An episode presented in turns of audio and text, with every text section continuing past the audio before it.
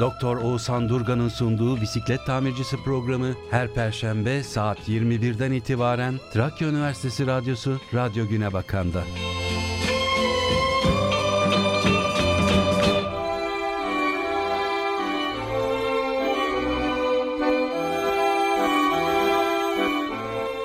Herkese merhaba. Yine bir buçuk yıldır olduğu gibi Trakya Üniversitesi Radyosu Radyo Güne Bakan'da yine bir perşembe gecesinde sizlerle bisiklet tamircisi programında 106.2 frekansında bir arada olmanın mutluluğunu yaşıyoruz. Ben Oğuzhan Durgan, teknik yapımda Başar Hatırnaz hocamla birlikte bugün çok özel, çok değerli bir konuğumuz var.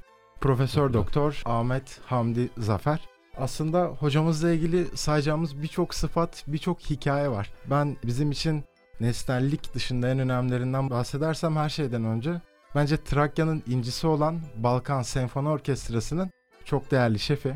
Teşekkür Üniversitemizin rektör yardımcısı ve aynı zamanda keman sanatçısı hocamız. Hocam hoş geldiniz. Tekrar hoş bulduk. Teşekkür ederim bu programa davet ettiğiniz için. Hocam bizler çok teşekkür ederiz. Sizlerle bu stüdyolarda aslında bayağıdır beklediğimiz, istediğimiz, düşlediğimiz bir program için bir aradayız. Biz de bunun mutluluğunu ayrıca yaşıyoruz. Benim için de ayrıca şöyle bir hikayesi ve farklı bir anısı var Ahmet Hamdi hocamın.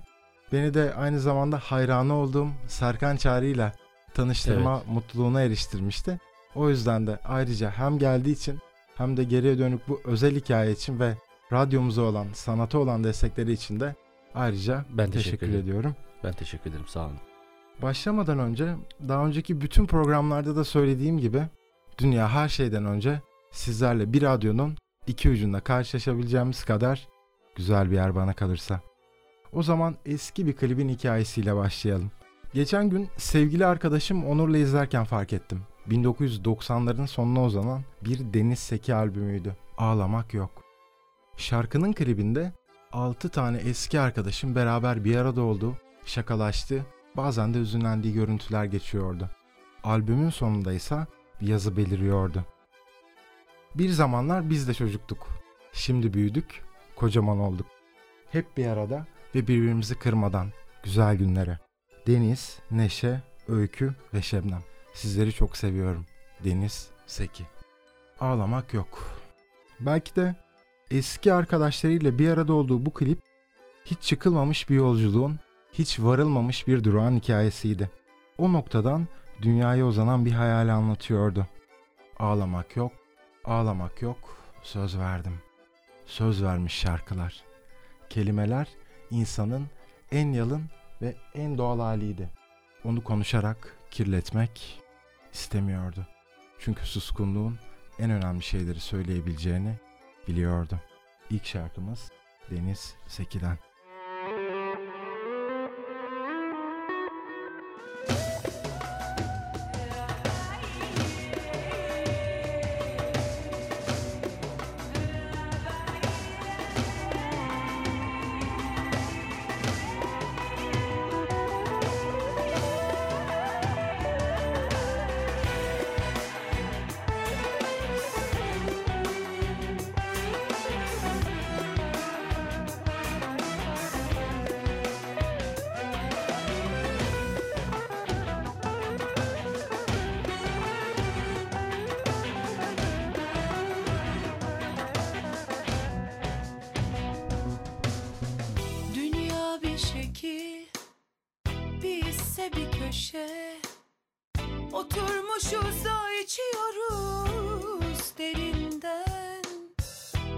Hayat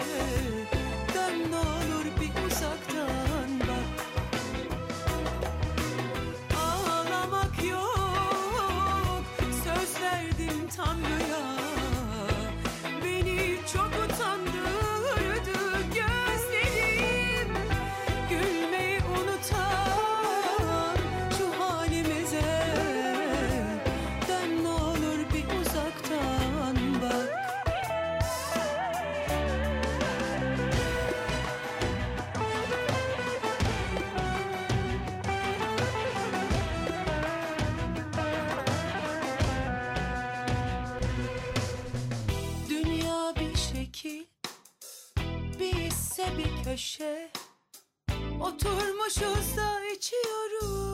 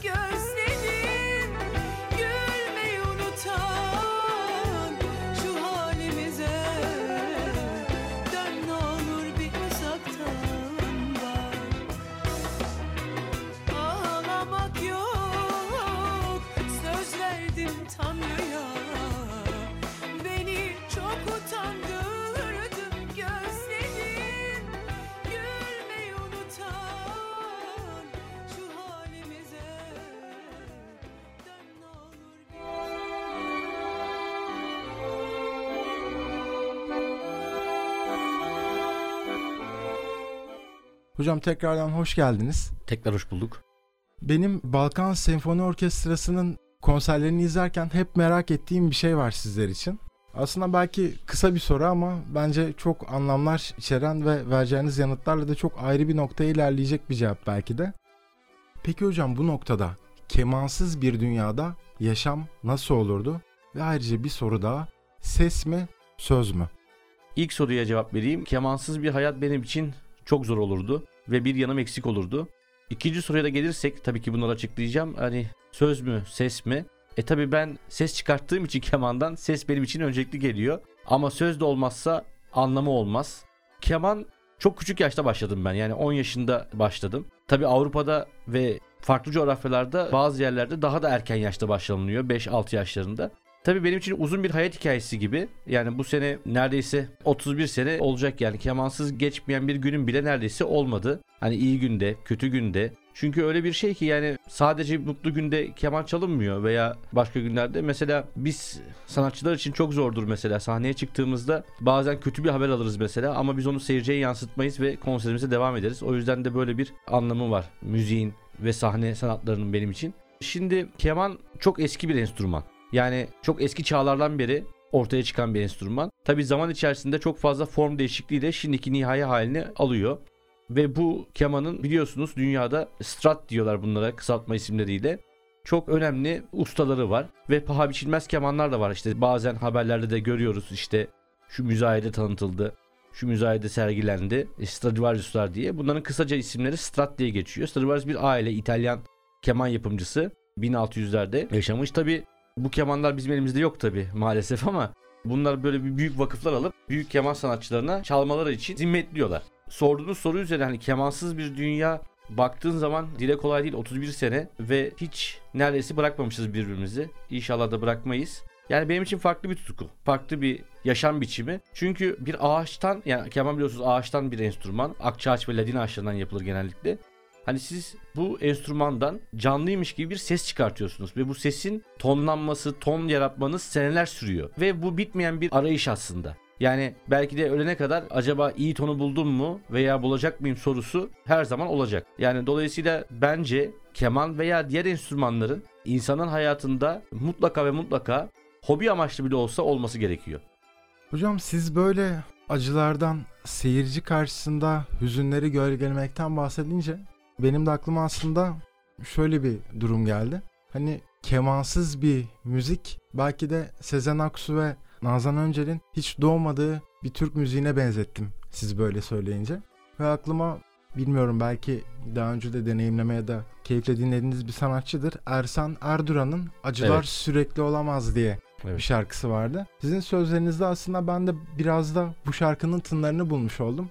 Dilerseniz Ersan Erdura diyerek acılar sürekli olamaz diyelim.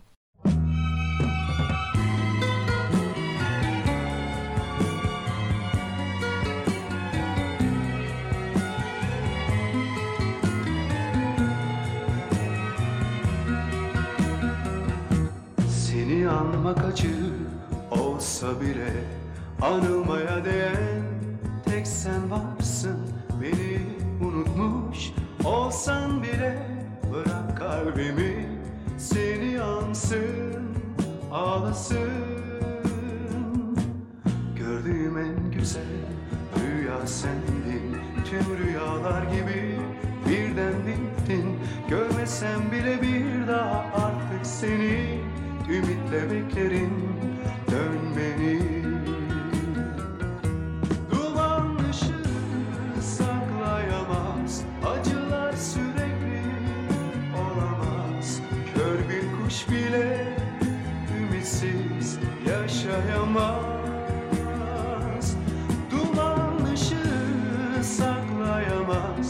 Acılar sürekli olamaz. Bu sevgim benim cevapsız kalamaz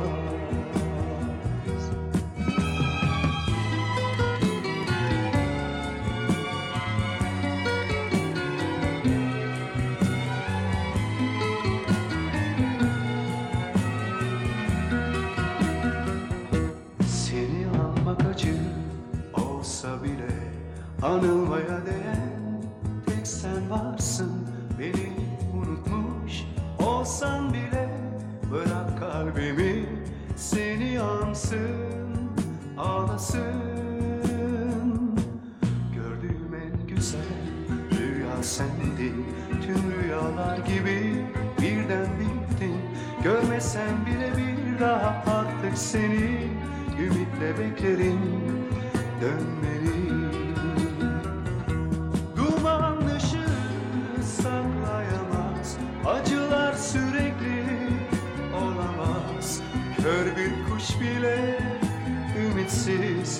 yaşayamaz.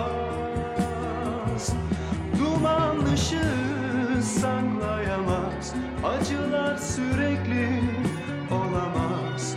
Bu sevgim benim cevapsız kalamaz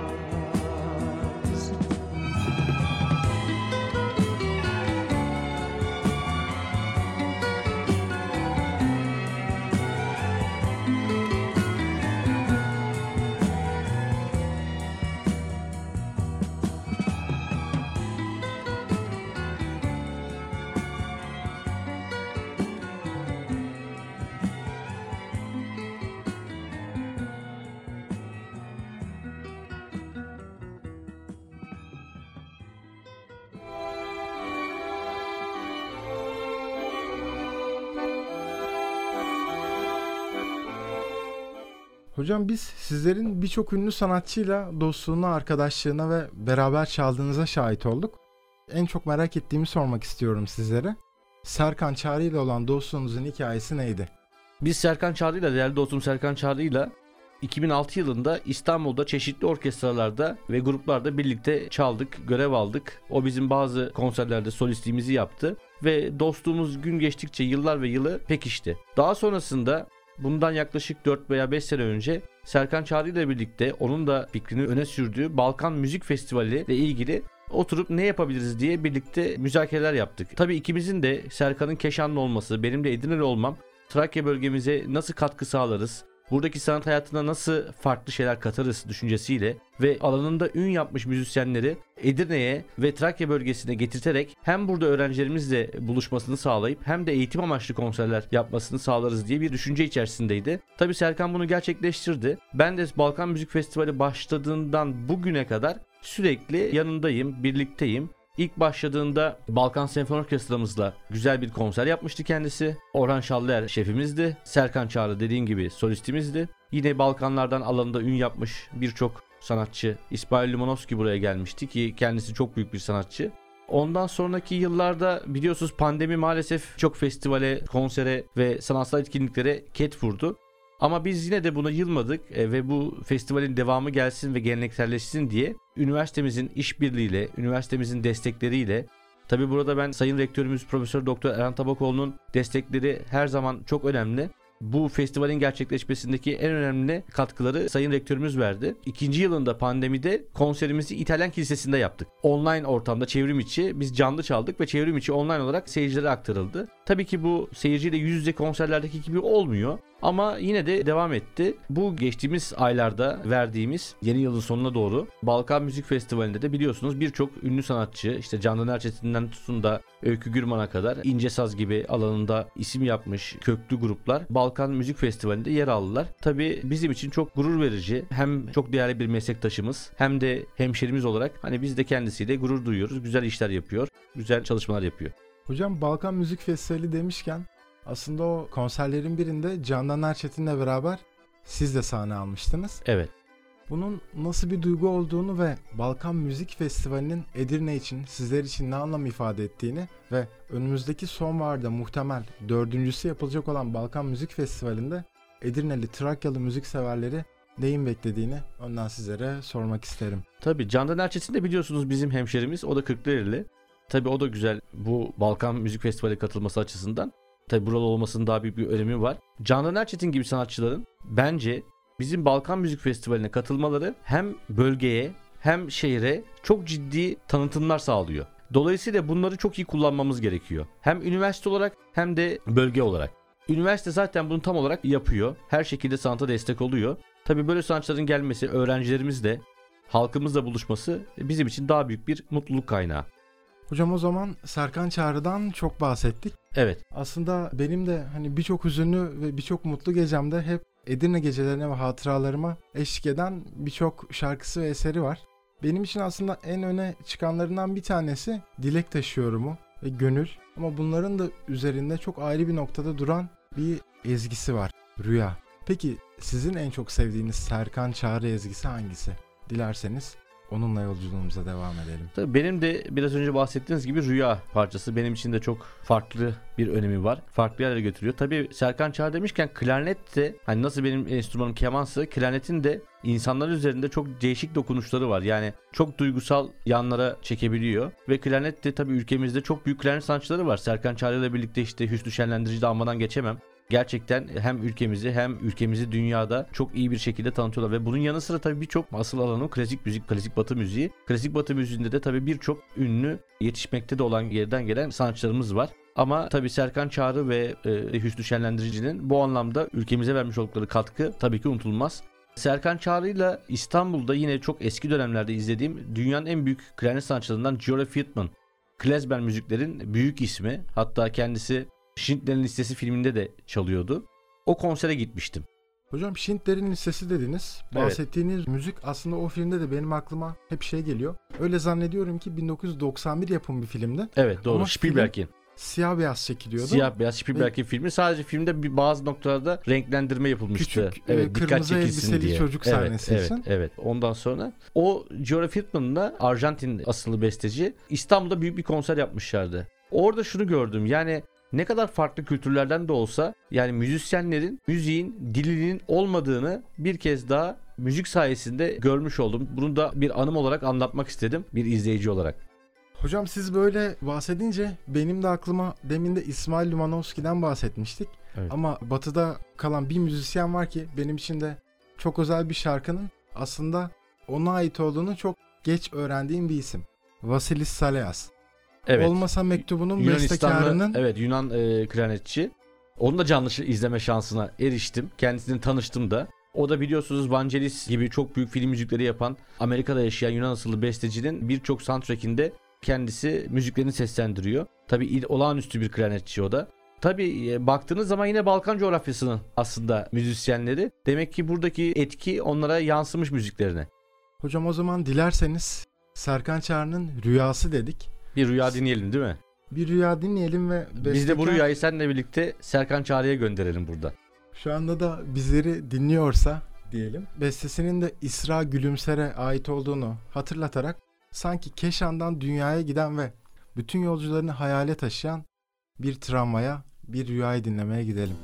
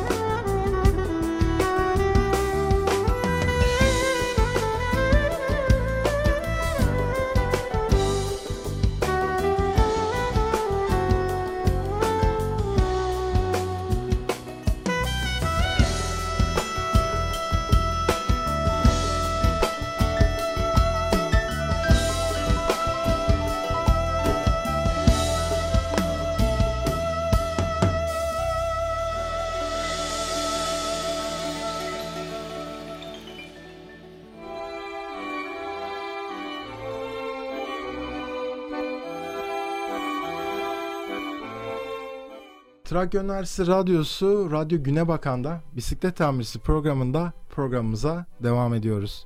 Ben Oğuzhan Durgan, teknik yapımda Başar Hatırnaz hocamla birlikte ve çok değerli konuğumuz Profesör Doktor Balkan Orkestrası Şefi Ahmet Hamdi Zafer hocamız da bizlerle.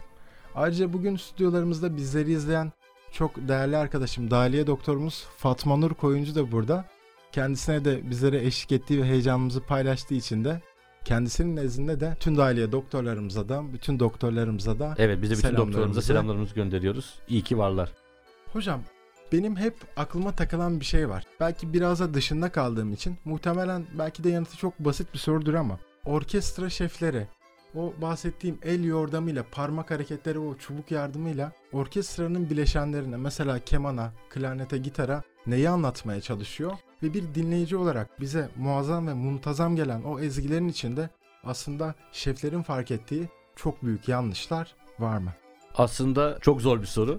çok kısa cevabı olmayan bir soru. Ama ben özetleyebildiğim kadar sizlere burada özetlemek istiyorum. Yani orkestra şefi orkestradaki enstrümantal müzik grubunu yönetir. Bu tabii klasik olan bildiğimiz şey. Genellikle performans sırasında elindeki biraz önce bahsetmiş olduğunuz gibi baget Genelde onu sağ elinde tutarlar orkestra şefleri sağda. Bu da ritmi sağlar. Orkestra şefi ritmi doğru gösterip bin aksamamasını sağlar. Ve en büyük görevi de her an doğru tempoyu göstermektir. Yani orkestra bir rahatlama yaşayabilir, bir rehabete katılabilir ama orkestra şefi orada kanun gibi o ritmi kesin ve tam zamanında göstermek zorundadır. Orkestrası diyeceksiniz ki sizin sol elini niye kullanır? Sol elinde de yorumlar orkestrayı. Kendi ifade etmek istediği. Şimdi insanlar sadece orkestra şeflerini sahnede görüyorlar. Aslında mutfağında çok çok uzun saatler alan görevleri var. Bunlar ne gibi mesela? İşte çalacakları eserler hakkında bilgi toplarlar, anekdotları okurlar ve çalacakları eserleri kendileri ilk önce uzun uzun çalışırlar. Saatlerce bunu okuması sürer. Çünkü en azından 40 parti, 50 partiye çıkan partisyonlar vardır. Hepsi farklı şey çalarlar. Bunların hepsi böyle bir uyum içerisindedir. Bunları orkestra şefleri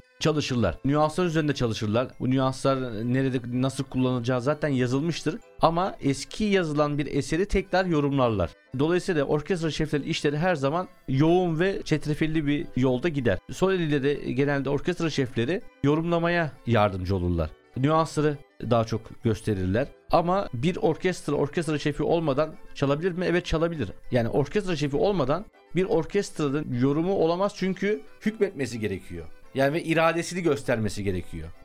Hocam siz böyle deyince benim de aklıma takıldı.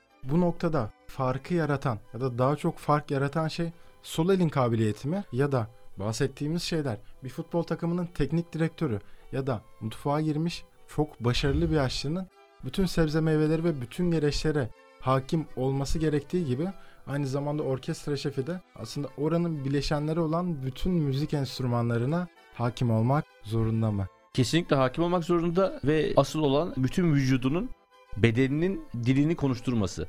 Yani hem sağ el hem sol el hem yüzündeki mimikler bile hem orkestraya yansıyor aynı zamanda seyirciyle de bütünleşmesi gerekiyor. Yani seyirci evet kulağı seyircinin orkestradadır orkestrayı dinler ama gözü seyircinin orkestra şefindedir. Bu bir illüzyon gibi seyirciyi de etkilemesi gerekiyor. Orkestra şefliği aynı zamanda kendi iradenizi de orkestra üzerinde kabul ettirmektir. Bu da uzun zaman alır. Bu iradeyi kabul ettirmek için de enstrümanları çok iyi tanıması gerekir. Yani her enstrüman hakkında söz sahibi olması gerekir. Ve bir orkestra şefinin ve mutlaka ve mutlaka bir enstrümantal bir geçmişi olması ondan sonra orkestra şefliğine geçmesi gerekir. Yani hiçbir enstrüman çalmayan bir insanın orkestra şefi olması evet belki olabilir ama bunlar günümüzde çok çok azdır. Genelde orkestra şefleri artık her branştan çıkıyor ama çoğunlukla keman ve piyano alanından gelen müzisyenlerde çok rastlıyoruz. Tabii ülkemizde de biliyorsunuz çok büyük, onları da burada almak isteriz isimlerine. Çok büyük şeflerimiz var. Ekolleri olan ve dünyada da ses getiren işte Gürol Aykal gibi, Rengin Gökmen gibi. Onları da buradan saygıyla anıyoruz kendilerini. Selamlarımızı gönderiyoruz. Aynı zamanda da tekrar bahsetmiş olduğum gibi orkestra şefi mutlaka ve mutlaka seyirciyle de bütünleşmesi gerekiyor. Yani görsel bir bağlantı kurması gerekiyor. Ve bağlantı da kurar zaten.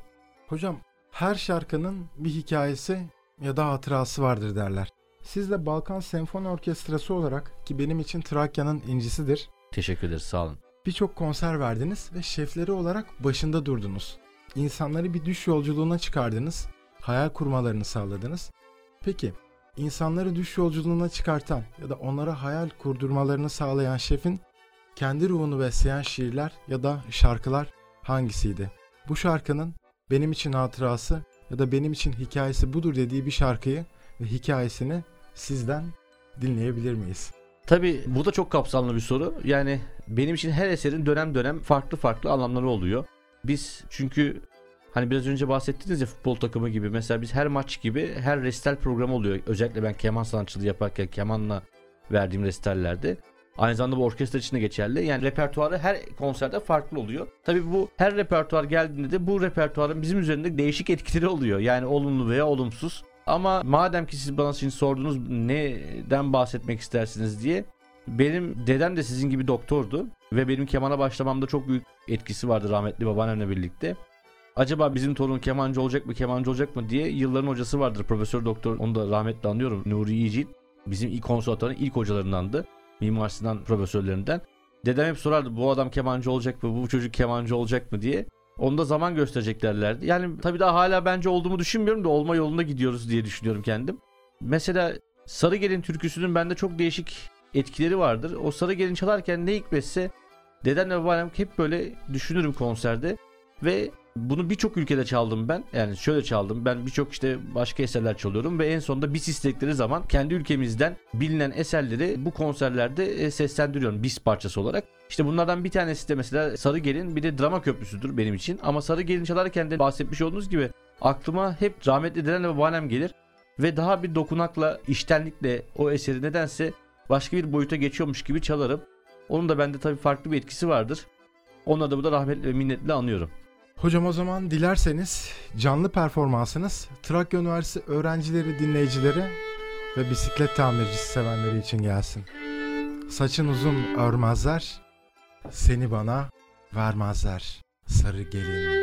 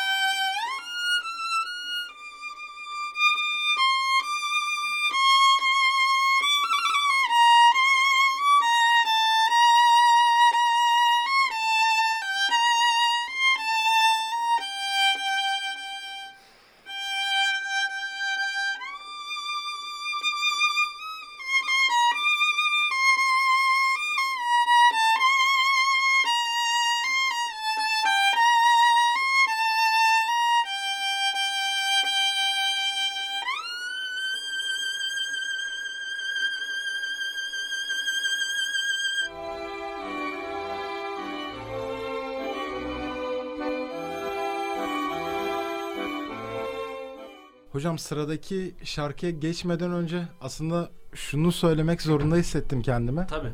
Siz bu şarkıyı böyle bizim stüdyolarımızda ve bizlerin yanında çalınca benim de aklıma Oscar Wilde'ın eski bir kitabından eski bir hikaye geldi. Çok hüzünlü çaldınız ve çok hüzünlü bir hikaye anlattınız. Bülbül'le Gül'ün hikayesiydi. Hikayede aklımda kaldığı kadarıyla şöyle söyleyebilirim. Adam bir kadını bir baloya davet edebilmek için kırmızı bir gül bulmak zorundaydı. Bunu anlatıyordu hikaye ama gülün kıpkırmızı olması şartı vardı. Bulduğu hiçbir gül o kadar kırmızı değildi. O gülün o kadar kırmızı olabilmesi için bir bülbülün kanını beyaz bir gülün dikenine saplayarak kendi kanını gülün yapraklarına vermesi gerekiyordu. Öğrenci hep mutsuz kalıyordu ama bülbül kendi kalbini gülün dikenine yasladığı anda ormana bir hüzün ve bir sessizlik çöküyordu. Ve meşe ağacı bülbüle bakıp şöyle söylüyordu. Son bir şarkı söyle bana. Sen gidince çok yalnız kalacağım. Son bir şarkı söyle bana. Sen gidince çok yalnız kalacağım. Hocam bu canlı performansınız ve bize hissettirdiğiniz duygular için, Sarı Gelin için sizlere ayrıca çok teşekkür ediyorum. Ben teşekkür ederim. Çok sağ olun. Bugün Trakya Üniversitesi Radyosu'nda çok değerli bir konuğumuz, çok değerli bir büyüğümüz, hocamız Profesör Doktor Ahmet Hamdi Zafer bizlerleydi. Aslında bu programı daha önce de bayağıdır planlıyorduk. Bugüne nasip oldu diyebiliriz. Hocam son olarak sizlere, Edirnelilere, sanatseverlere, öğrencilerinize vermek istediğiniz mesajları sormadan önce kendim bir soru sormak istiyorum. Biz programdan önce konuşmuştuk. Bizim için fikrimin ince gününü çalar mısınız diye sormuştuk. Yanıtınızı da ayrıca merak ediyorum. Ben de o zaman öğrencilerimize, değerli dinleyicilerimize şöyle sesleneyim. Bu eseri seslendirerek sesleneyim. O günkü gördüm seni, yaktın ah yaktın kalbimi. Fikrimin ince gülü. Herhalde bir insanın bir insana söyleyebileceği bu kadar naif ve bu kadar güzel bir iltifat yoktur. Fikrimin ince gülü, kalbimin şam bülbülü.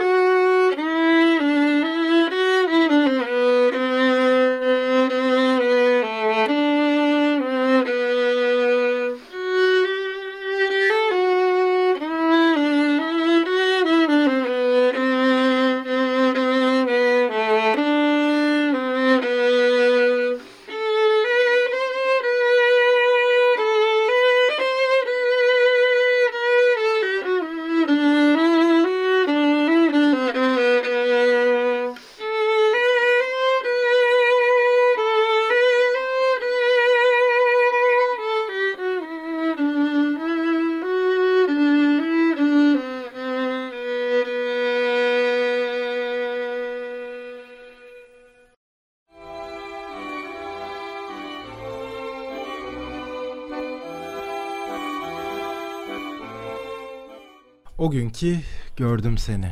O günkü. Ben Oğuzhan Durgan. Teknik yapımda Başar Hatırnaz hocamla birlikte Trakya Üniversitesi Radyosu Radyo Güne Bakan'da bisiklet tamircisinde bugün çok değerli bir konuğumuzu ağırladık. Bana kalırsa Trakya'nın incisi olan Balkan Senfoni Orkestrası'nın şefi olan aynı zamanda keman sanatçısı olan hocamız bizlerleydi. Başlarken de söylemiştim aslında ve bir buçuk yıldır da her programın sonunda söylüyorum. Dünya her şeyden önce sizlerle bir radyonun iki ucunda karşılaşabileceğimiz kadar güzel bir yer bana kalırsa. Çok teşekkür ederiz hocam. Ben teşekkür ederim. İnşallah devamı da gelir. Yine birlikte oluruz programlarda. Ben de bütün dinleyicilerimizi bizi dinledikleri için, vakitlerini harcadıkları için tekrar teşekkür ediyorum. Selamlarımı sunuyorum. Başar hocam da şu an yanımda beraberiz. Biz demin konuşuyorduk şarkı arasında. size bir program bize yetmeyecek. Hani sohbetinize ve Evet, sanatınıza evet. doyamadık. Bu arada Başar Hocama da katkılarından dolayı bu programı gerçekleşmesindeki mutfaktaki yerinden dolayı güzel ustalığından dolayı diyelim teşekkür ediyoruz. Estağfurullah hocam ben teşekkür ederim. O zaman haftaya yine Perşembe gecesi saat akşam 9'da Trakya Üniversitesi Radyosu Radyo Güne Bakan'da bisiklet tamircisi programında tam bir buçuk yıldır olduğu gibi tekrar karşılaşmak dileğiyle. Doktor Fatma Nur Hanım'a da iyi nöbetler dileyerek noktalayalım. Doktor Oğuzhan Durgan'ın sunduğu bisiklet tamircisi programı her perşembe saat 21'den itibaren Trakya Üniversitesi Radyosu Radyo Güne Bakan'da.